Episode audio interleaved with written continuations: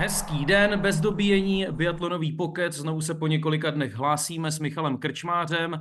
Jak říct, že jsi v Oberhofu, aniž bys řekl, že jsi v Oberhofu, tady B sdílel takový docela vtipný příspěvek na sociálních sítích, přiložil k tomu video, na kterém vlastně není vidět takřka nic, prostě mlha v Oberhofu. A to už jsou také možná ohrané vtípky, viď Michale, a přeju ti zároveň eh, šťastný nový rok a zdravím tě do Německa. Ahoj Davide, díky, taky přeju hezký nový rok, hlavně zdraví. A jak říkáš, no, taky jsem dneska sdílel stolíčko, kdy prostě vítr, eh, déšť, eh, pak částečně mlha, no prostě typický obrhov. Reagoval mi na to uh, uh, Michal Reš, uh, že už mu to teď přijde vtipný, když nezávodí, takže se mi vysmál. a pak mě psal ještě Simon Eder, jestli ve dvě hodiny má vůbec výjíždět, jak to tam vypadá, tak jsem mu psal, ať zůstane doma, že to je mnohem víc bezpečnější. to se ještě objevilo na sociálních sítích. Co byste chtěli zlepšit pro rok 2024, nebo ne, co byste si přáli pro rok 2024, to bylo na českém biatlonu a ty si odpověděl, já bych chtěl mít bezstarostnost kolegy Tomáše Mikisky. To mě zajímá. tak já jsem znamená? chtěl být trošku originální, že jo? Nechtěl ne, jsem to říkat, je super že... samozřejmě, já jsem si to poslechl mnohem radši, než takovou tu frázi, já bych chtěl rychle běhat a skvěle střílet. Jo, přesně tak, ale co to znamená? No ale úplně jednoduchý, že jo. Mm, jak jsem říkal, že já jsem takový přemýšlivý typ, že někdy až moc přemýšlím a že mě to občas jako brzdí. A Mikis to je prostě člověk, který je naprosto jako bezstarostný, žije přítomným okamžikem a vůbec neřeší žádný konsekvence, nic. A, Takže uh, ideální stav i v závodě, že on tam má takovou tu opičku s těma činelama při závodě. Jo. Tady, hlavě. Jo, hele, teď to trefil úplně, my si samozřejmě v rámci srandy, eh, v rámci žertu si z něj děláme přesně tuhle tu srandu, že tam má tu opičku v hlavě. A, ale opravdu je to úplně ideální a pro ten sportcore, jako on opravdu dělá ty svý automatizmy a uh, proto jsem to i říkal, že by mě to určitě pomohlo. Eh, úplně stručně, že chceme toho probrat dost, Tomáš Mikiska je konečně zase v dějišti světového poháru po docela těžkém zranění, tak co nám ukáže? Hele, já myslím, že ani on sám neví. Eh, já myslím, že on sám je dost nervózní, ale každopádně, co jsme se tak jako bavili, i ty trenéři vlastně, tak oni, oni ho chtějí vyzkoušet, jak to vlastně vůbec bude vypadat, protože eh, ten návrat je velice brzký. Myslím si, že když by to mělo být opravdu podle nějakých eh, tabulek, tak by ještě dva, tři měsíce se měl dávat dohromady, až pak to se vrátit zpátky k závodění takže spíš je to takový oťukání a uvidíme vůbec, co z toho bude a uh, jak na tom bude fyzicky a jestli to koleno bude držet, jestli to bude všechno v pořádku. Takže to je spíš taková zkušená, bych to nazval. Na Instagram a možná taky do e-mailové schránky ti přistály nějaké dotazy posluchačů a mě dost zaujala eh, ta, která se týká případných kuřáků ve startovním poli a zní to tak, jestli je v biatlonovém startovním poli nějaký kuřák. tak takovým seriózním tématem to otevřeme. Jo, jo, jo, tenhle ten dotaz, když jsem si ho přečetl, tak jsem se taky uh, pousmál, ale ne, není. Jako... Třeba před závodem. jo, přesně tak jsem si to představil, že, že se tam všichni rozbíhají, nebo v cíli se pak výjíždí, že někdo si jde stoupnout uh, za kamion nebo za servisní buňku, ale ze sportovců jako opravdu jsem to nezažil za ty roky, co závodím, tak uh, si nepamatuju sportovce a ani ho jako neznám z nějakého vyprávění někoho, že by, že by jako kouřil, takže v tomhle tom ohledu tady nikdo takový není. Já jsem taky mezi lyžaři vlastně nepotkal kuřáka, když pominu Stanislava Freehaufa, legendárního trenéra, ten občas před buňkou po závodě tam něco trochu pokouřil, ale potom taky slýchám a teď vůbec nevím, jestli je ten příběh založený na pravdě, ale slyšel jsem všechno možné třeba o deseti bojaři Tomáši Dvořákovi a víc lidí mi říkalo, no ale ten normálně kouřil celou kariéru. Já si říkám, jak je to možné. Jo, hele, Tomáš Dvořák zrovna, uh, on měl článek v prostoru bez frází. Uh, já si občas nějaký ten článek tam přečtu, protože mě to docela baví. A zrovna jeho jsem četl. A je to přesně tak, no. On tam vlastně zmiňoval, že od nějakých 15 let uh, uh, kouří prostě nepřetržitě A, a všichni se samozřejmě nad tím podivovali a on to tam vysvětloval tím způsobem. On, teda, jo, on tam teda zmiňoval, že nikdy nešlukoval. Že on vlastně jakoby v uvozovkách uh, draze uh, ze sebe Jo, jasně, takže to je taková zdravá verze kouření vlastně. No, ale, ale na druhou stranu lékaři mu prej potvrdili, že on byl astmatik a nějaký alergik a nějak mu tam jako, mm, já už teď si to přesně nepamatuju, že už to je fakt jako doba, co jsem to čet, takže když to někoho zajímá, tak ať si to přečte, on to tam nějak jako popisoval, že uh, mu to tam pomáhá v té alergii, v tom astmatu a jako sám jsem se tomu fakt jako divil, uh, ale je to jako pravda tohle, to řekl sám on a sám jako s tím šel ven. A ty jsi jako třeba 12-letý bourák ne- nesáhl po cigaretě někde za domem na tajňáka.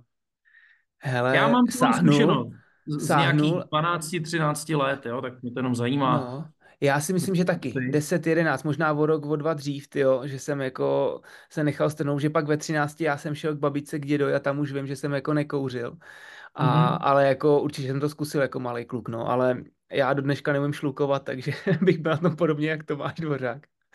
Když jsme u toho, tak eh, jasně, cigarety v dějišti světového poháru ne, ale co moc dobře vím, co je možné na takových závodech objevit, to jsou puky se žvíkacím tabákem. A ten vím, že je docela populární a když už ne mezi závodníky, tak minimálně mezi trenéry nebo servisáky. Jo, jako to, to, to ti potvrdím, to je vlastně i u nás v tom kolotoči uh, docela jako, nechci říct úplně běžná, ale jako možná i jo, běžná prostě věc mezi těma trenérama, servisákama, opravdu se to hodně objevuje. Uh, a mezi závodníkama uh, vím o jednom, uh, byl to rakouský závodník uh, Mezotič, který vlastně Mhm. jako byl schopný přijet do cíle a když jsme se převlíkali v bunici, tak prostě přišel a první, co udělal, tak takhle odložil flintu do kouta, vzal si ten puk a, a narval si tabák, jako jo, takže, mm, ale to je takovýhle ojedinělý případ uh, jakoby pravidelného užívání toho žíkacího tabáku, no. No a skandinávské země vlastně jsou země žvíkacího tabáku a snad to můžu říct, vybavu si vašeho bývalého šéfa servisu eh, Vojtu Prášila, který tehdy v Estersundu říkal, no já jsem chtěl už skončit, ale když přijedeš sem do Švédska, to je stejné, jako kdybys přijel do Chorvatska a nedal si tam zmrzlinu.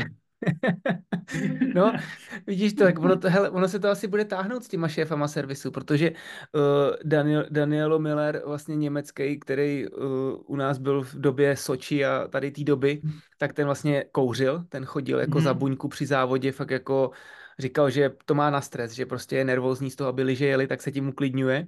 Pak byl Vojta a teď vlastně jeden z vedoucích servisů je Benny Eder, R- Rakušan a ten taky jako žvejká docela ve velkém množství, takže Tak to možná budu šéfovat servisu po něm. hele, můj, můj, třeba v dalším olympijském cyklu. Určitě se chceme pobavit o regeneraci, jo, tak připomeňme, že sportovci samozřejmě vyznávají zdravý životní styl, abychom se posunuli od eh, kouření cigaret, žvíkání tabáku a jiných neřestí. Zatím to tady vypadá jak silvestrovská party. Jo, jo, jo. No, tak se ale přesuneme ke spánku, jo, protože sportovec musí spát,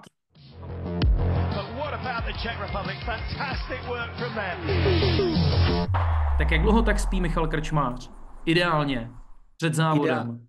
Ideálně 8 až 9 hodin, no. Spíš jakoby k těm 9 hodinám uh, se snažím uh, ty dva až tři dny před závodem jako každou tu noc tu dodržet, uh, že opravdu cítím na sobě pak jako mm, že jsem takový svěžejší, takový prostě čerstvej, ale zároveň neříkám, že takhle spím celý rok, prostě jako jsou, jsou období, kdy jako žiju na nějakých sedmi hodinách a, a prostě, Hmm. ale to, to samozřejmě vím, že jako to není žádný extrém, že lidi jsou schopní fungovat eh, na mnohem kratší jako době, ale, ale pro ten sport eh, si myslím, že ten spánek je extrémně důležitý a já ho považuji za jeden z jako z nejdůležitějších pilířů té regenerace, no. A spíš po obědě, protože já jsem to měl rád, když jsme byli na soustředěních těch lyžařských, tak, tak jsme si pravidelně chodívali lehnout po obědě a zrovna jsme se o tom teď eh, na Silvestra bavili právě s kamarády lyžaři a všichni říkali, no to byl vlastně největší problém, když jsem potom seknul s lyžováním a začal jsem fungovat v nějaké normální práci, to, že najednou člověk nemá tu možnost si prostě se natáhnout po obědě. Hele, je, je to tak, teď mě s tím připomněl, já jsem mm, chodil, chodil spát po obědě, uh, Aha. hned vysvětlím, proč už teď sem jako nechodím, ale uh, připomněl jsi mě to, že já jsem si jako občas takhle lehnul na soustředění po obědě před tréninkem odpoledním a vždycky jsem poslal fotku Švárovi. abych ho trošičku jako nahecoval a popíchnul, přesně tak, takže to je jeden z obrovských benefitů uh, sportu, že vlastně uh, poledňák, odpolední šlofíček jako patří, patří k tomu dennímu režimu, ale, ale abych se dostal k tomu, proč teď vlastně nechodím, tak uh, tím, že um, používám Aura Ring, což je takový um, prsten monitor na, moni, na monitorování spánku a dalších různých tělesných funkcí, tak mm-hmm. jsem si vysledoval, že když vlastně nejdu spát po obědě, nebo maximálně, už, když, když už teda tak nějakých 20 minut, tak pak mám mnohem kvalitnější spánek v noci. Takže vlastně jsem přestal spát po obědě a teď ten noční spánek je pro mě mnohem přínosnější a cítím se po něm líp. No. A co se píše na internetu, a to ty jako fotbalový fanoušek určitě oceníš, a teď tady cituju ze serveru mužnosti.cz, nevím, proč jsem vybral zrovna tenhle server, ale je tady článek o Cristianu Ronaldovi, je to o spánku. A při praktikování Little Hillsovy metody Ronaldo nespí celou noc, místo toho si každý den dá pětkrát šlofíka na 90 minut. Jeho noc tak probíhá rozdílně od většiny normálních lidí. Po večeři, kterou mu pravděpodobně promyšleně naplánoval odborník na výživu, se prý fotbalista odreaguje s kamarádem, pak si jde v 10 hodin na půl hodiny zaplavat a zdřímne si až do půlnoci, poté relaxuje do 3 hodin ráno, do půl šesté jde opět spát a pak začíná svůj den. Proč nespíš pětkrát denně? Já nevím, to přijde úplně jako bláznivý tohle, jo, jako samozřejmě respektuju všechny jako doktory vědce, ale tohle, ta představa, že prostě po 90 minutách stanu, teď budu od uh, půlnoci do tří do rána jako uh, nějak tak jako pohodovat, pak si zase hoďku a půl schrupnu, začínám den a někdy v půlce dne to budu muset přerušit a zase si jít lehnout. Uh, no jako fakt si to nedokážu představit, samozřejmě to obnáší i jako servis okolo si myslím, že prostě to, co si Ronaldo může dovolit, tak si jako my asi úplně dovolit nemůžeme. Že ty by si zase nemohl dovolit eh, to, že bys měl připravené eh, čerstvé, krásně voňavé, čisté prostěradlo a povlečení na každý z těch spánků. Že on to tak má, má fakt na každé spaní má prý jiné prostěradlo. No, a přesně povleč... tak. S tím bych doma asi nepochodil, to by se mnou manželka asi rychle vyběhla. Takže jako je, to, je to fakt jako zajímavý a já, si, já jsem sledoval na, na YouTube, bylo video uh, Honzy Mejdra, vlastně mm-hmm. ze. Sparty a ten to zkoušel, ten tam jasně měl ten pokus, že zkoušel fungovat jako Ronaldo a myslím si, že si si dobře pamatuju, tak popisoval, že z toho byl totálně jako dobitej, rozbitej, takže tam to chce asi nějaký dlouhý časový úsek, než si na to člověk jako zvykne a přenastaví se. A taky v noci bojuješ s takovou tou noční můrou nebo s těmi šílenými sny, eh, přicházíš na start a 30 vteřin před startem zjistíš, že nemáš liže. Nebo seš na trati a bloudíš. Nevíš, kde seš, nemůžeš se dostat na střelnici. To vím, že jaký provází celou řadu lyžařů a biatlonistů. Hele, v tomhle tom jako máš pravdu, jako když eh, třeba teď si vzpomínám na Adama Václavíka, ten vždycky jako ráno je schopný uh, 20 minut vyprávět, co se mu zdálo za bláznivý sny a už to třeba i bylo to, že zmeškal start nebo tak, ale já teda vůbec jako takovýhle sny nemám, no, nevím, nevím, co dělám blbě, ale, ale mě Co se ti prostě... v noci na dnešek? Ty jo, nevím, nepamatuju si. Já si teda konkrétně jako o, sny vůbec nepamatuju. Já jako když už teda něco jako si pamatuju, nějaký sen, tak to musí být, ale, ale jinak jako nemám moc nějak jako sny, že bych si je pamatoval. A ještě poslední otázka ke spaní. Vybavíš si, jak jsi spal v Koreji, v Pyeongchangu po sprintu, ve kterém jsi bral stříbro? No, skoro jsem nespal, hele. Pak jsi nespal? Ale z euforie? Ne, tam, tam to bylo extrémní, no, euforie, emoce. Tak tam to asi i... možná byla i kombinace s nějakým časovým posunem, Přesně ne? tak. Dlouhé mediální aktivity, protože se závodilo pozdě večer. A jo, vlastně spíš asi... euforie, jestli třeba tati nebránila ve spánku. Jo, jo, jo.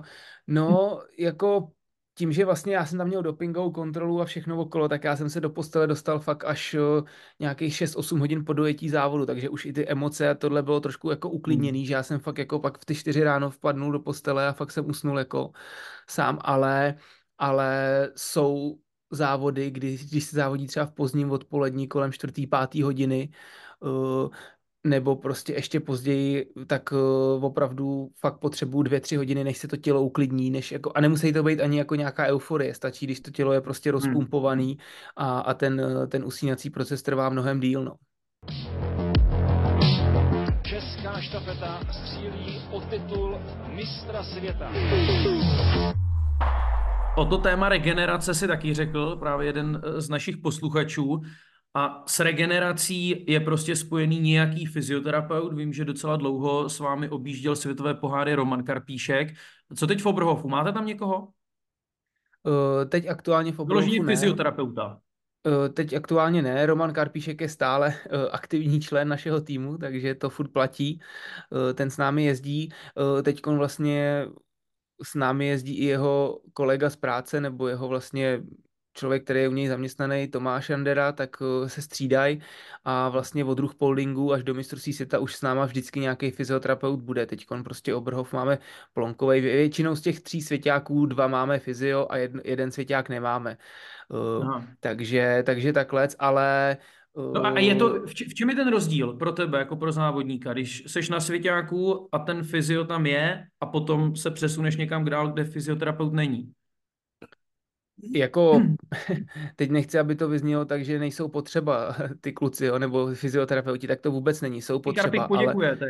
no, ale ten týden se dá bez toho prostě zvládnout, jako když to řeknu takhle, co, ten týden jako není nic, co by ovlivnilo to, že bych měl závodit líp nebo hůř, uh, kdyby jako přijeli jednou za sezónu a nebyli prostě dva a půl měsíce s náma, tak tam se pojďme bavit, že je to špatně, že jako to určitě nějaký vliv bude mít, protože hm. to nastavení těla, tohle to tak přece jenom to jako uh, masér, ani nějaký stretching, ani nějaká mobilizace, to prostě nenahradíte ty fyzioterapeutovi ruce, mm-hmm. takže, takže v tomhle tom jako jsou důležitý, ale, ale ten týden se dá zvládnout.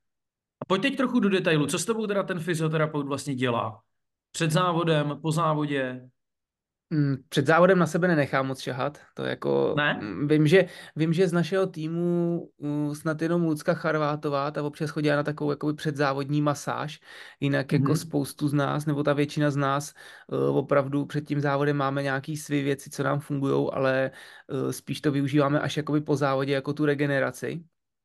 A když budu konkrétní, tak se věnujeme takovým těm hlavním partím, jako prostě jsou bedra, uh, trapézy, uh, potom když vlastně jsou nějaký problémy, uh, začínající záněty, ať už zápěstí, achilovek, což nás jako může trápit, tak prostě se řeší tohleto, uh, nebo někdo má nějaký dlouhodobější problémy, vím, že Jessica určitě mm, ta to musí řešit, protože ta se s tím prala v minulý sezóně, takže uh, je to hodně individuální uh, a, a každý tak nějak má ty svý. A ten fyzioterapeut, to by byla vlastně otázka dobrá pro něj, ten vlastně už o nás ví a ten on vždycky, když přijede, tak už uh, trošičku oblídne ty naše problematické partie a případně jakoby dorovná, dá dohromady a nebo prostě řekne, hele, tady jsem zbytečný, přijď zítra nebo pozejtří.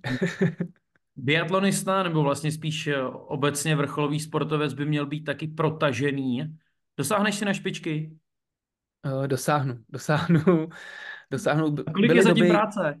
Byly doby i kdy ne. Hele, já teda musím říct, že jsem protahování jako v sezóně, eh, když to řeknu takhle, přes to přípravné období tomu protahování jako tolik nedám. Jo. Tam prostě uh, ty tréninky a tohle, kolikrát jsem pak tak unavený, že radši sebou večer uh, hodím do postele a prostě se vyspím, než abych jako ještě se věnoval, ale v tom závodním režimu je trošku víc času a já to beru i takovou formu jako relaxace, kdy si prostě pustím hudbu a klidně mm, půl hodiny až nějakých 50 minut se prostě protahuju a pětkrát do týdne, jo, když to řeknu takhle. A mám to, mám to hmm. fakt jako takový částečnou formu té relaxace a mm, samozřejmě jsem to řešil v poslední době, protože vyskočilo spoustu článků, spoustu názorů od i právě fyzioterapeutů, že stretching vlastně není podložený, že jako už to není to, co dřív, že prostě mm, to ničemu nepomáhá a tohleto. Nesouhlasím. Ale ale hele, mám úplně s tebou souhlasím.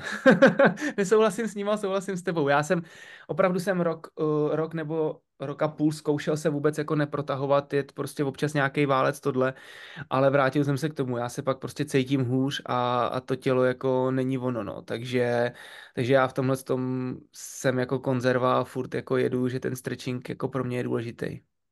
A kdo je nejgumovější z českého týmu? A kdo nejzkrácenější? Ty jo, nejzkrácenější býval, Mich- býval Michal Schlesinger. To byl opravdu jako toho vohnout do nějaký pozice. to, chtělo tři, to chtělo tři silný chlapy, jako jo. Ale Uh, nejprotaženější, tak to jsou asi většinou holky, že jo? Ty jsou takový flexibilnější než my kluci, ale, ale kdo je nejprotaženější? Asi ne. Možná Jessica, vím, že ta občas cvičí i nějakou jogu a tohle, tak možná typnu takhle od stolu Jessiku. Roštěp pro vás, není problém. Co masáže? Když, když ty si řekneš teď třeba, já chci jít na masáž, máš tu možnost? Kdybys teď, až, až tady spolu to ukončíme, kdyby si řekl tak a teď, teď půjdu na masáž. Bude to? Jo. Uh, no takhle, bude to, když ten masér bude mít volno, když tam nebude napsaný někdo jiný z týmu, protože my máme, máme vlastně jako pořadník. pořadník, pořadník, na který se prostě píšeme den, dva, tři dny dopředu. A, a to si mám představit tak, že někde na dveřích nějakého pokoje uh, visí nějaký papír, nebo tam přilepený nějaký papír a tam píšete jména? Jo, bylo to tak, doba pokročila, teď už to máme na Google disku. Jo. Dřív jsme museli k masérovi na pokoj se napsat na dveře, teď už si jo. vezmu telefon, otevřu si tabulky, napíšu se do Google disku a jsem objednaný, takže... ja, tak já si pamatuju ještě právě ty, ty jo, jednodušší, jo, jo. složitější časy, já vlastně ani nevím, jestli to bylo jednodušší nebo složitější, tak... No, ne, hele, bylo to, bylo to dobrý, protože prostě, když jsi tu masáž, tak proto museli něco udělat, teď fakt jenom cvakneš do mobilu a, a jdeš, ale, ale je to tak let, takže ale většinou to je tak, že když prostě je něco akutního a já bych během hodiny zjistím, že tu masáž potřebuju, tak se dá i třeba s tím členem z týmu domluvit, hele, já to nemám tak urgentní, buď to běž, nebo běž dřív, nebo prostě, jo, dá se reagovat a opravdu ten masér tady je pro nás a uh, co se týče přístupu k masáži, tak ta je opravdu, jako se dá říct, permanentní. Hmm. A všichni ji využívají? Třeba Pavel uh, Nedvěd, fotbalista, prý neměl rád masáže. A o to těžší no, to měl v kariéře.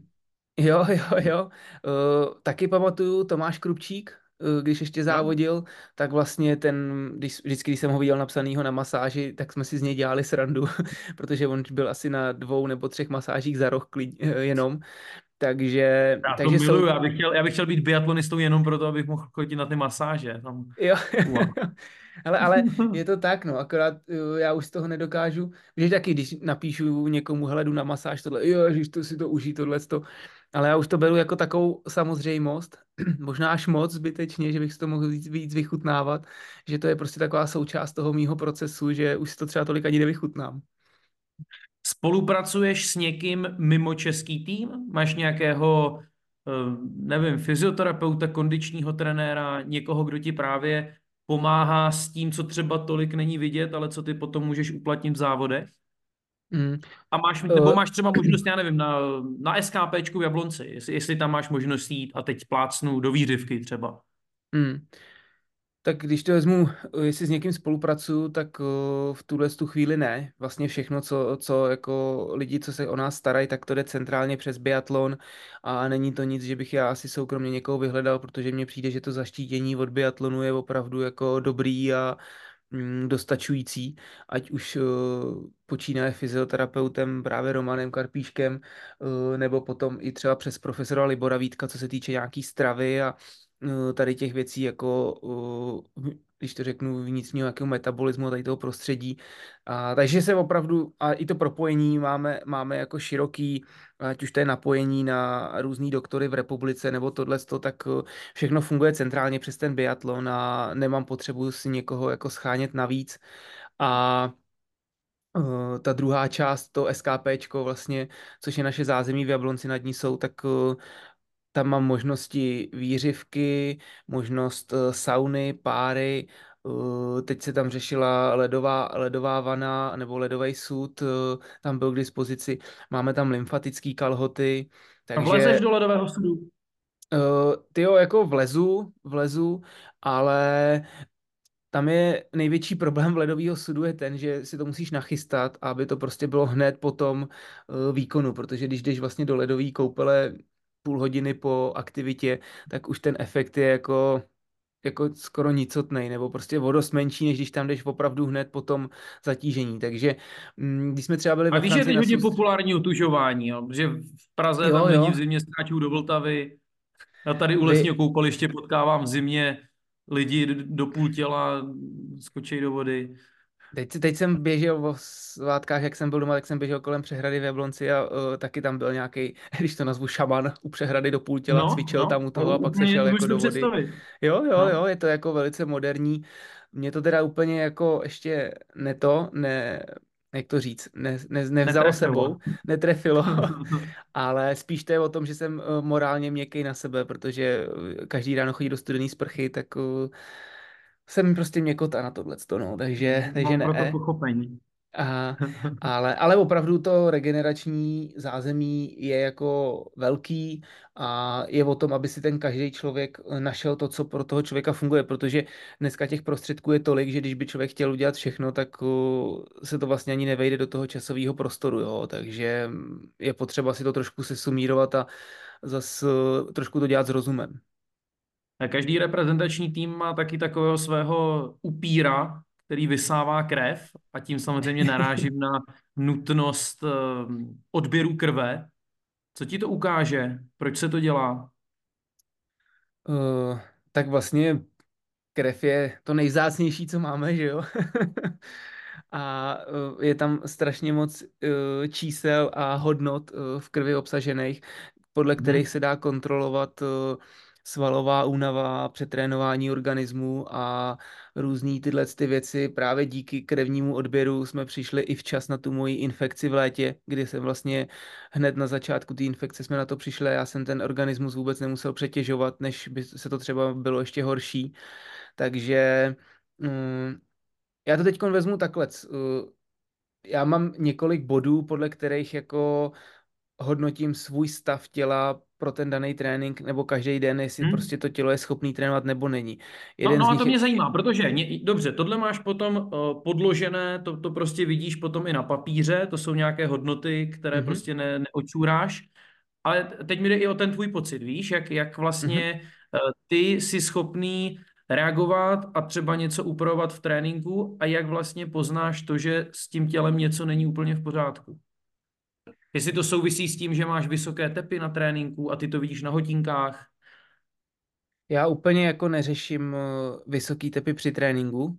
Já když bych řešil tepy, tak je budu řešit uh, při raní klidový tepový frekvenci, kterou mm-hmm. vlastně, nebo i, v, i z průměru z té noci, což mě Aura Ring měří vlastně, to je jeden z těch parametrů, uh, kterým jakoby se já řídím. Potom při tom daném tréninku se víc řídím laktátem, Eh, než, mm-hmm. jako, než tepovou frekvencí, protože tepová frekvence kolikrát se mi osvědčilo, že jako trošičku mi zkresluje, uh, ať už to je třeba, většinou to bývá ve, ve vyšší nadmorské vejšce, že ta tepovka třeba nemusí tolik jít nebo jde, nebo jde mnohem výš, ale ten laktát prostě je jako mm, přesnější, podle mě to je přesnější ukazatel těch uh, výkonnostních zón, než, než je tepovka, takže... A třeba, třeba někdo neví, co je laktát.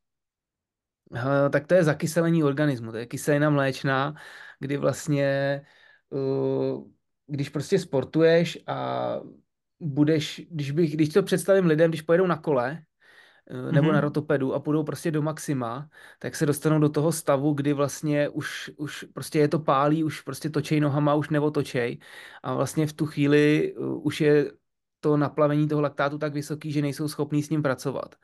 A, a to je vlastně to, uh, to je ta výkonnostní zóna maximální v tuhle tu chvíli. A my pro ten trénink, pro ten sport využíváme několik těch zón a právě každá ta zóna má svý ohraničení těch uh, milimolů toho laktátu, ve který se máme pohybovat. Abych to tak nějak jako laicky jednodušeně trošku popsal, aby jsme se v tom úplně nezamotali. Takže takže pro mě tohle a, je mnohem... a na tom tréninku je nějaký pán s kufříkem, ze kterého vytáhneš žihadlo a ty dostaneš do ucha? Jo, je to taková kouzelná, kouzelná krabička malinká, kterou vlastně obsluhuje i trenér, když nemáme zrovna biochemika na soustředění, uh, takže uh, nás, nás napíchne do ucha kapka krve a do 15 vteřin vlastně má výsledek toho laktátu, jak moc zakyselený jsme a jestli máme pokračovat v tréninku, ubrat, přidat, nebo prostě jestli se máme zbalit a jít domů, protože to tělo nereaguje dobře. To znamená, že když ještě vrátím k tomu, co jsi říkal, ty tak trochu ignoruješ hodinky, jo? Na tréninku. Ne, ne, ne, ne, ne, jako to, to jsem asi řekl blbě. Eh, určitě ne, ne, jako... ne, ne, to jsem to teď asi já přehnal, ale pochopil jsem to tak, že, že vlastně na tepy nebo na tepovou frekvenci při tréninku moc nekoukáš. Eh, koukám, mám jí tam, ale když to rozeberu, tak to bylo myšlený tak, že kolikrát ta tepovka mi neodpovídá s tím mým subjektivním pocitem. Jo, jo, jo, jo. Jo, já prostě třeba vidím tepovku vyšší a říkám si, ale já nejsem tak vysoko, já prostě tu zónu mám jako nižší a pak přijedu a ten laktát je nízký. A nebo naopak kolikrát uh, mám prostě tepovku nízkou a řeknu si, ty lidi, ale já už jedu skoro jako závodní jako tempo a, a na tom laktátu to je vidět. Takže mě za ty roky se osvědčilo to, že uh, ten laktát mě mnohem přesněji ukázal ty moje výkonnostní zóny než ta tepovka kolikrát. Ale jako v to je spíš u těch rychlejch tréninků, u těch aerobních, u těch vytrvalostních tréninků se tepovky hlídám a kolem těch 75% maxima se prostě pohybuju a ty hodinky jako používám. Mám vlastně, jak my říkáme, tepák. tepák a hodinky nosím na 95% tréninků, takže jako není to tak, že bych to ignoroval, to ne. Kolik ty máš maximálku? Maximální tepovou frekvenci? Já mám docela vysokou, na to, kolik mi je. 190 3 až 6, no, dle prostě toho no, období. No to, to, není, to není zase tolik. Znám no, jako vrcholové oproti... sportovce, kteří mají třeba 213. Já jsem měl jako dorostenec takhle vysokou. E, jako žáček, e, začátek dorostu, tak jsem se pohyboval kolem 208, 210, si myslím, že byla moje maximálka, pak to samozřejmě s věkem klesá ale hmm. když se bavíme prostě třeba, když řeknu Kuba Čtvrtecký, tak ten vlastně má třeba závodní zónu eh, v tepovkách, co pro mě je jako zóna smíšená, což je prostě o další dvě zóny ještě jako níž, jo, když to řeknu takhle. Takže hmm. Eh, na, na, na to, jako, jaký sport dělám, tak si myslím, že jako se pohybuju relativně vysoko.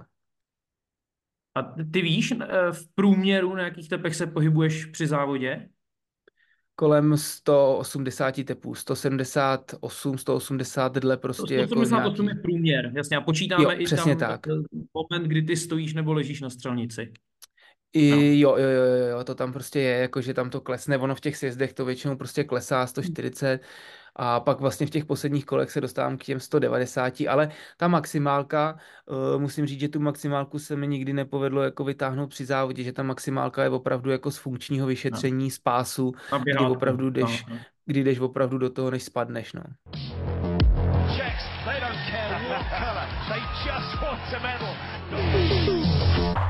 Co jsi měl dneska k večeři? Moje oblíbená otázka. Uh, vegetariánský, ne vegetariánský, zeleninový lazaně. Zeleninové lazaně. Hmm. co se mi směješ, počkej. Já nevím, jak vypadají zeleninové lazaně. A co a nejoblíbenější no, hele, jídlo Michala Krčmáře? Místo masa tam je zelenina, nic jiného tam není. nejoblíbenější jídlo? Carbonara. No. Špagety carbonara, ale to hmm. není na to si dát před závodem úplně, špagety carbonara. No, jako bez slaniny, no. Jako když já si většinou ty carbonara, když si jako dáváme s klukama občas, tak je to třeba před vytrvalostním závodem, kdy jako jedeš další, Aha. trošku si to pohlídáš jako, že to je fakt jako ty dvě a půl až tři hodiny před startem, že to stihneš strávit, ale, ale mnohem, nebo moje nejčastější jídlo, na který závodím, tak jsou těstoviny s parmazánem a solivovým olejem, čistě jenom, jako bez hmm. ničeho. A co by si nikdy nedal před závodem? Co bych si nikdy nedal? No toho asi bude víc, to, to, Já teď jsem začal jako přemýšlet to nejhorší, jako abych vybral, jo, ale jsou to samozřejmě takový ty mletý masa, jako celkově, celkově mm-hmm. uh, maso jsem jako hodně teď vynechávám už poslední roky před tím závodem, a takovýhle jako věci, když už teda maso, tak je to většinou nějaká třeba lehčí ryba, když už není na výběr. Ono kolikrát totiž to není úplně jednoduchý, protože nemáme všude kuchaře a uh, musíme se přizpůsobit na tu hotelovou stravu. No. Takže kolikrát člověk musí najít uh, nebo vytěžit uh, maximum z minima. To měl být takový oslý můstek, já jsem právě chtěl skočit k té stravě. Ty jsi zmínil týmového kuchaře, vím, že si tu a tam vozíte nějakého chlapíka, který hmm. Eh, vám tam vyvařuje. A jak velká výhoda to je, když on tam je společně s vámi? Jako za mě obrovská. Jak moc se potom ten jídelníček liší v té jeho kuchyni a v té hotelové? Tak hlavně se liší v tom, že opravdu si nadiktujeme to, co chceme a, a jako liší se, liší se dost, bych řekl. Liší se dost, protože uh, kolikrát se stane na hotelu, že člověk přijde na oběd a nemá tam prostě těstoviny, rejži, nic, co by si dal před tím závodem a je tam prostě brambor s kuřecím plátkem a to prostě jako člověk nechce na to úplně závodit, jo. Ale, Takže... ale eh, vybavíš si, kdo s vámi byl kdysi v Anterselvě a byl to, myslím, rok třeba 2018 před olympiádou jako kuchař? To byl, to byl Honza Jahoda? Já, já, já už nevím, jak se jmenoval, ale byl tam s vámi nějaký starší pán Aha. a já jsem o tom s tebou tehdy dělal reportáž a já ho vůbec nechci schazovat, ale vím, že ty jsi z toho dělal legraci a, a taky to nechtěl říct asi úplně na plná ústa a říkal si, no, on by byl skvělý, kdyby jsme po něm chtěli třeba svíčkovou nebo nějaké typické české jídlo, ale, ale ta sportovní strava tam udělá trošku problémy. jo, tak jako jsou přesně takovýhle kuchaři, který jako vaří perfektně, ale ona ta sportovní strava je jako specifická, takže já myslím, že se, toho, že se ho to vůbec nedotýká, že jako uh, možná jsme se o tom bavili i my jako spolu, takže to v tomhle tom úplně v klidu, ale, ale je to tak, jako na jednu stranu um, se to prostě v tomhle liší a když to řeknu kuchaři starší generace s tím jako občas trošičku jako můžou mít problém, když prostě přijdou k nám a my máme ten požadavek nějaký jiný, no. Kdo toho nejvíc sní? Markéta Davidová to asi nebude. no ta ne, no, ta ne, jako. Myslím si, že Jessica Islová je docela jedlík. A? jo, jo, jo, Jessica. Jessica je docela jedlik, tak jako vím, že si i dává jako druhý večeře a opravdu se jako toho sní docela dost si myslím. A je docela takový gurmán, nebo myslím si, že jsme všichni gurmáni, jako všichni máme rádi dobré jídlo, všichni milujeme italskou kuchyni, tak nějak jak toto. No a z kluku, no asi Mikis, teď vlastně mě to vyskočilo, no. Ten jako toho taky spořádá dost, ale jinak to tak nějak s tím, jako... jak je bezstarostný. Asi jo, asi jo, to neřeší, no. tak to prostě, dokud, dokud, jak říkáme, mlejnek bere, tak, tak ho zásobuje. Eh, řeší trenéři vaší stravu? Zajímají se o to, co jíte? A nebo už to berou tak, že jste dospělí lidé, profesionálové a, a víte, že nebudete dělat eh, výdelně žádné hlouposti? No, tak my, tím, že jsme začali tu stravu hodně tři, čtyři roky dozadu řešit. Eh, vlastně Inspektor tím, rybáč, víš, že by tam chodil a koukal jo, jo, jo. ne, jako ne to, není, není to tak, že by oni úplně jako na nás dohlíželi. Oni samozřejmě vědí ty základy stejně s náma, ale už to nechávají čistě na nás, jo. Prostě jsme dospělí, jsme profesionálové a e, není to tak jako striktně nalajnovaný. E, ve finále, když máme, na, když máme toho svého kuchaře, ve shodou okolností dneska vlastně mi posílal náš kuchař, který s námi jde do Ruchpoldingu jídelníček, ať se na to podívám, ať eh, k tomu pošlu případně připomínky, ať do Ruchpoldingu to je naplánovaný. Takže eh, ten jídelníček je pro všechny stejný a kolikrát ty trenéři trpějí s náma, když tam je takový třeba krupeto nebo takovýhle věci, které jako nejsou úplně trenérský jídla, který by si radši dali tataráček nebo něco takového, takže držej basu s náma. Jak jsi na tom ty v kuchyni, když jsi doma sám?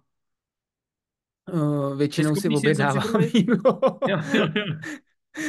ne, Abych nepřežil ne, do těch díl sám, tak no, no, možná jako díky já... nějaké právě takové té uh, služby, že jo, která to dováží, tak bych šanci no. měl, ale... Jo, přesně tak, no. Hele, ne, mám, mám tajný sen, tajný, nebo sen, takový tajný cíl, uh, že, bych chtěl, uh, že bych se chtěl jako naučit právě italskou kuchyni, jako italský jídla, třeba 4-5 jídel italských, jako nějaký ty těstoviny a takovýhle věci, risota.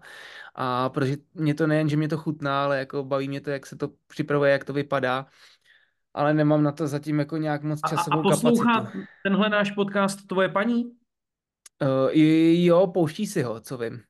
No, no, tak, ale ona o tomhle ví, tohle není jako žádný, že bych si úplně byč, jo. To, to super, já už... super tip, že jo, na dárek, těch voucherů je spousta, teď jsem to znovu zjistil, když jsem vybíral své paní dárek. Tak jo, vidíš to, ona vždycky říkala, že se mnou to má strašně složitý, to jsme řešili v tom mm, no. minulém díle, že se mnou to je strašně složitý na dárky, no, no. tak teď krásně vymyslel, tak já jí dám číslo, ona ti zavolá příště, až bude něco potřebovat.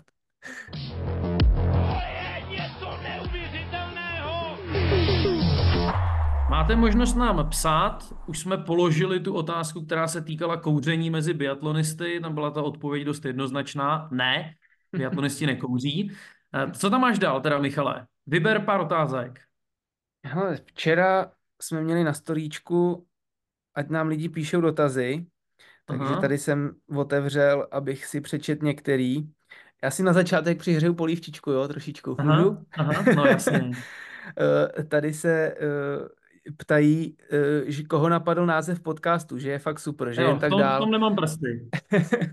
Takže chci říct, že název napadl mě a že jsem asi půl roku přemýšlel, jak by to mohlo být nějaký rychlý, úderný a tohle mě přišlo fajn. Takže jsem rád, že se líbí, líbí i fanouškům. Takže no, dobrý. dlouhé přemýšlení uh, přineslo rychlý a úderný název. Přesně tak. Tak konec samochvály.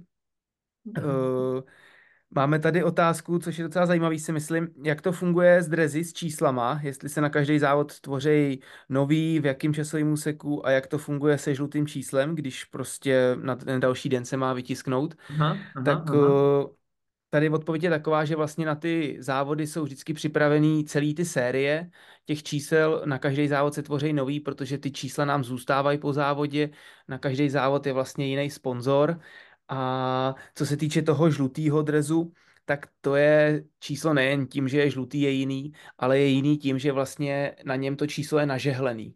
Takže mm-hmm. podle mě, když si to dokážu představit, tak Ibu má nachystaný žlutý, čer, červeno-žlutý dres a počítač vylosuje dvacítku Johannesovi v tuhle chvíli, už asi rok a půl, nepřetržitě skoro, i když začátek sezóny ne, to je pravda. A, a natiskne se mu tam to prostě číslo, který bylo vylosovaný. Takže takhle to funguje a, s těma a, číslama. A ty, si, a ty si číslo můžeš po závodě odnést domů, někomu ho věnovat, podepsat a tak. Přesně Kolik těch čísel máš tak. doma? Ty to všechno rozdáš, nebo si, si to syslíš doma? Uh, ne, ne, ne, většinou, většinou to jako rozdám, buď to řeknu tak třetinu čísel rozdám hned kon po závodě, když vlastně fanoušci Aha. z tribun volají, jestli nemám číslo, jestli ho nemůžu nechat, tak většinou nějakým dětem ho nechám hned po závodě na stadionu ještě, jako takovou památku. A když se to nepovede, a... tak, tak to nabízíš a místo toho třeba se ozve nějaký písní, přiletí něco z tribuny, rajče, Mo... vajíčko. Jo, přesně tak. Tím se kreju, když jdu potom do buňky, tak aby, aby mě nikdo netrefil. Ale moje číslo z mý, mýho nejméně povedeného závodu má Ondra Rybář. Ten říkal, Z že... tak... povedeného závodu? No, no, no, říkal, že takhle spackaný závod ještě nezažil, že by to číslo chtěl. to byla ta štafeta právě v Oberhofu, kdy jsem dvakrát spadnul, šel na dvě trestní a uh, Michal Schlesinger mě stahoval, protože jsme byli beznadějně poslední. a, a číslo z Pyeongchangu ze sprintu, nebo z Antarsel z mistrovství světa ze štafety? Ty si nechávám, ty si nechávám, ty mám. Uh, myslím si, že číslo z Pyeongchangu má taťka uh, na krámě v Praze, i, i z medailí vystavený. A, a, a takový ty významnější, a 23 si nechávám, teda ještě když jako jsme u Aha. toho, tak... Uh, to souvisí s datem narození? Uh, taky a zároveň je to moje oblíbené číslo, nebo prostě se mi to číslo líbí, ale je to i s datem narození, takže... A takže může posluchač David Nejč jednu otázku? No jasně. Bude mít na sobě někdy Michal Krčmář žlutý dres?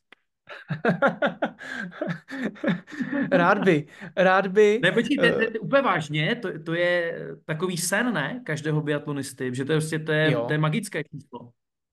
Je to, je to přesně tak, já myslím, že se k tomu vyjadřovala dobře i Makula, která ho získala Eh, dvě, tři sezóny zpátky ho na sobě měla.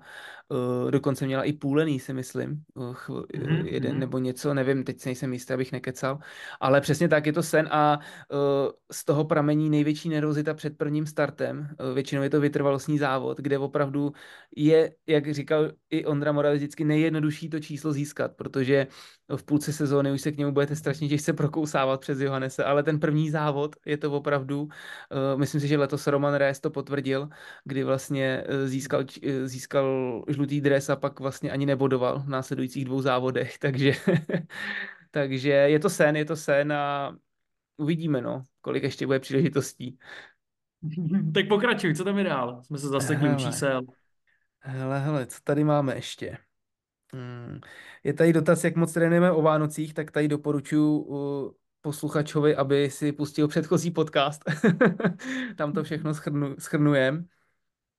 A máme tady uh, pes nebo kočka. Tak to je asi pro tebe, Davide. Pes nebo kočka? No, no pro mě jednoznačně pes. Mám tady doma jednoho takového. Takže no tak, a ty jsi odpověděl. No. Já, hele, za mě kočka, no, protože, a? když to řeknu, no, protože pes, jako, já to nemám tak, že bych jako pes nebo kočka, ale my, když jsme se rozhodovali s manželkou, uh, tak vlastně pes by s náma trpěl, tím, jak prostě hodně cestujeme a tohle, tak uh, kočka je taková víc tolerantní. No, já jsem tým Ondra Moravec. jo, jo, jo. A, a, a takže to asi tak lec a mám tady vlastně otázku další, ještě abych, no tady toho je více, ale bychom se u toho úplně nezasekli. Eh, Jak se dozvídáme nominace a jak to bereme, eh, nebo jak to berou sportovci, kteří jsou přesunutí do Ibu No. Jo, jo, jo, jo, a to mě zajímá. Eh, Funguje to, nebo je pravidlem to, že ten, kdo jede na tu vrcholnou akci v té dané sezóně, že je na tom posledním světovém poháru? Před tím mistrovstvím světa nebo před těmi olympijskými hrami? Uh, no úplně to jako pravidlo není, jo, protože takhle, jsou tam ten základ, ten základ tam je, ten pilíř toho, toho složení toho týmu, tý, toho národu, to tam je, ale většinou to čtvrtý nebo pátý jméno, který se vlastně rozjíždí o tu vrcholnou akci, tak dost často bývá uh, buď to na tom světovém poháru, anebo potom ještě na mistrovství Evropy, který vlastně předchází té vrcholné akci, jo, když to řeknu takhle. Takže uh, kolikrát ty nominace třeba teď, když to stáhnu na aktuální dění, tak v tuhle tu chvíli do Ibu Cupu byl poslán Adam Václavík s Mikulášem Kadlíkem, ale rozhodně to Mhm. neznamená tak, že by vlastně jako ztratili šanci nebo že by prostě měli nějakou menší šanci se nominovat na mistrovství světa do Nového města na Moravě. Jo, Uh, to provázání a nějaký to porovnání těch výkonností už se docela jako ty trenéři to mají načtený a zároveň chtějí dát příležitost i někomu, třeba když to řeknu v tuhle chvíli Vítěj Hornigoj z Ibu Cupu, tak mu chtějí dát příležitost na světě, jako aby se ukázalo, jak si tady stojí. A uh, A abych... to je asi docela, to je docela asi těžké, ne, pro, pro Michala Málka říct Adamovi, sorry, prostě teď jedeš na Ibu Cup.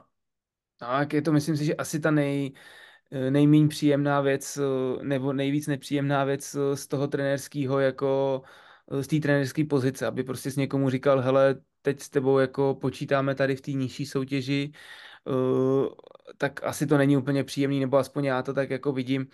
A já si pamatuju, když já jsem se pohyboval vlastně na téhle hraně, tak vlastně každý závod jedete ve stresu nebo spíš pod tlakem toho, jestli náhodou vás pak nepřesunou do té nižší soutěže, a protože zároveň chcete zůstat v té v elitě, v tom světovém poháru. Takže ale zase zároveň je to ten tlak, který si myslím, že ten sportovec musí zvládat. Pokud nezvládne tenhle ten tlak toho nějakého přesouvání, tak ne, si myslím, že není úplně přeturčený k tomu, aby dosáhl nějakého velkého úspěchu. A to, co musí vlastně český biatlonista splnit, aby startoval na světovém šampionátu? Aby si zazávodil v Novém městě? Je to nějak jasně dané? Jsou tam jasná kritéria? V tuhle chvíli jsou jasně daný kritéria a jsou tam vlastně automatickou nominaci mají tři nejlepší muži ze světového poháru po Antersilvě s bodovým kontem. Mm-hmm. Takže ty, co budou z nás tři, tři nejlepší hodnocení. v celkovém hodnocení, přesně tak, tak ty jdou automaticky. Čtvrtý místo, to je takový, dost často se to jmenuje uh, na návrh trenéra, mm-hmm. ale vlastně uh, většinou je to stejně podložený nějakým porovnáním uh, dvou, tří, čtyř posledních závodů me- mezi těma dvouma, třema závodníkama, který spolu jedou, takže uh, ale je to spíš taková bedlička, když to řeknu, když by prostě někdo vypadnul a měl problémy, ale zároveň jsme prostě ho tam člověk jako chtěl mít, tak aby, aby tam měl to místo pro něj udělaný, rezervovaný, protože ty nominační kritéria nejsou jen tak, že si jako někdo řekne, ale jsou hmm. prostě schvalovaný výkonným výborem biatlonu a, a musí se dodržovat. A, a vlastně pátý jméno na to mistrovství světa Nového města na Moravě, tak uh, o to se zřejmě bude uh, rozjíždět uh, ty zbylí členové na mistrovství Evropy, kde vlastně, který no, předchází no, no. právě tomu, tomu mistrovství světa a takhle jsem se i na to vlastně ptal Michala Málka, jaký, jaký tam jsou ty nominační kritéria. No, no a jak, jak se to dozví? Třeba ten vlastně první pod čarou, sednete si potom všichni někde, nevím, v jídelně, nebo mu trenér zavolá, nebo mu to pošle poštou, pošle holuba, nebo je, jak se to dozví, ten, ten nešťastník, který nejede? Uh, no, když to je vlastně takový to přesouvání v průběhu té sezóny, jako třeba teď na to došlo uh, u těch kluků, tak většinou je to na osobní komunikaci, že ten Adam nebo Mikuláš se baví s Michalem a ten jim to prostě řekne jako nějak soukromně, nebo prostě někdy není to tak, že by svolal poradu a řekl, hele, teď tady sedíte takhle v sedmi, ty, ty, ty jedeš na Svěťák, ty, ty jedeš na iBook Cup, tak to jako je to spíš většinou o té komunikaci, já jsem to vlastně ani pořádně nevěděl, jak to je, tak dneska jsem se ptal Michala, tak uh, vlastně teď to je udělaný tak, že 14 dní Martel Ridnau, Adam s Mikulášem jsou na iBook Cupu hmm. budou závodit, budou se porovnávat hlavně mezi sebou. Vítě Hornik má jistý i ruch polding a u Miky se je to opravdu zkušená, takže to je takový jako, aby se vidělo, ale, ale ty kluci to vlastně vědí, vědí od Michala jako soukromně, já jsem se na to vlastně doptával, já jsem to ani jako nevěděl sám, že by to bylo nějak transparentní a pak to mistrovství světa, tak to už je taková ta nebo olympiády, tak to je taková ta zásadnější nominace, tak to většinou se udělá jako s těma lidma, co jsou na tom svěťáku, tak si prostě jako sednem na poradě a Michal prostě řekne, kdo jede, proč to udělal, odůvodní to, eh, řekne to vlastně celému tomu týmu a vlastně tam i vždycky padne taková ta řečnická, řečnická otázka. Máte někdo něco proti? A měl někdy někdo něco proti? Uh, Nechci měl, tady otevírat nějaké staré rány, ale ne, vybavíš ne. si nějakého opravdu hodně zklamaného reprezentačního kolegu, který těžce nesl to, že se nedostal na vrcholnou akci? Uh, měl, měl proti a akorát to bylo teda zprostředkovaně, protože to bylo na mistrovství světa v Oslu 2015, mm-hmm. jestli si dobře pamatuju. A tam vlastně byla nominace mezi Adamem Václavíkem a Tomášem Krupčíkem. Myslím si, se, dě, mm-hmm. se řešilo to finální pátý místo. A myslím, že v té době jel Adam a Krupa zůstal doma. A tam se vlastně starý pardálové v té době, Ondra Moravec, který to jako znes na poradě i Boušek, tak se trošku postavili za Křupase, že jakoby nesouhlasili s tím, nebo že jim to nepřišlo úplně jakoby fair vůči tomu Křupasovi, to, že nejede, že prostě přišlo jim, Aha. že by to bylo lepší, aby jako, nebo že by si to víc zasloužil ten Křupas, než ten Adam. Takže, hmm. ale jako bylo to spíš takový jako vznešený, vznešený jako připomínka, dotaz a prostě si to jako, jsme si to vyříkali, v té době Rybis jako to odůvodnil prostě tak, jak to tak jak to jako měl namyšlený a jako šlo se dál prostě, no. Hmm. A, a vnímáš to, že to teď tím mladí kluci hodně řeší, že, že ty to moc řešit nemusíš upřímně, že, že ty máš tu nominaci vlastně jasnou, jistou. No ještě ale, ne, tak ale... jako nikdy no, nevíš, tak, že tak, No dobře, ale ne, neumím si moc představit to, že by krčmář chyběl v Novém městě, teda to nevím, co by se muselo stát, ale jde mi o ty, o ty mladé kluky, no, jestli na nich prostě poznáváš a vnímáš to, že, že jim o to hodně jde a jestli se o tom baví třeba i mezi sebou. Hele, my, přijde mi, že vůbec, jako. Ne? Eh, no, přijde mi, že já jsem v tom, my jsme teda tohle za mě, když jsem byl mladý a přesně tady v tom jako uh, nějakým tom rozmezí, tak jsem to vnímal mnohem víc, mnohem víc jsme se o tom bavili a uh, bylo to takový jako víc na přetřes to, trém, to téma. A buď to teď ty kluci jsou jako že to řeší introvertně v sobě, že prostě jako to neřeší extrovertně v tom týmu, jako že se o tom bavíme my jako společně, tak to možná tlačí v sobě, a nebo opravdu to jako neřeší a berou to tak, jak to přijde, no. Já to teda úplně jako Uh, není tohle to můj, můj, můj pochod, protože já jsem tohle vždycky jako řešil a vždycky jsem byl hrozně zapálený v tomhle. A, ale jako teď to takhle, takhle to na mě působí, tak říkám tak, jak to cítím, no. OK, tak asi máme, co jsme chtěli. No já tak, doufám, uh... hlavně co, co posluchači chtěli, že jo? co my? No, a... ne. Tak ať ti to jede, no. Obrhofu v Durinském lese. Máš rád Obrhov? Uh, mně se líbí ty tratě. počasí. No, jo, jako mě, mě nejvíc na Obrhofu mrzí to, že kolikrát tady jsou prostě jako uh, ne úplně férové podmínky pro všechny, že záleží, kdo jak chytne jaký poriv a, a takovýhle věci, a nebo i kolikrát ta trať byla třeba pro závodníky ze zadu mnohem horším stavu než pro ty vepředu. To mě trošku na tom obrovu mrzí, protože jinak si myslím, že třeba konkrétně loni mistrovství světa tady bylo úplně jako skvělý, eh, kdy hmm. ty podmínky byly fajn a, a bylo to pěkný zážitek. Takže obrov mám rád, ale mám k tomu svý jistý připomínky a výhrady. Fantastická atmosféra, tak si ji užij, nějak se poper s mlhou a čus. Díky, díky moc a budu se těšit příští týden, Davide. Čau, čau česká štafeta střílí o titul mistra světa. But what about the Czech Republic? Fantastic work from them. Ještě ne, ještě ne. Michale, jedna rána, jednu ránu musíš dát. The Czechs, they don't care what color, they just want to medal. No,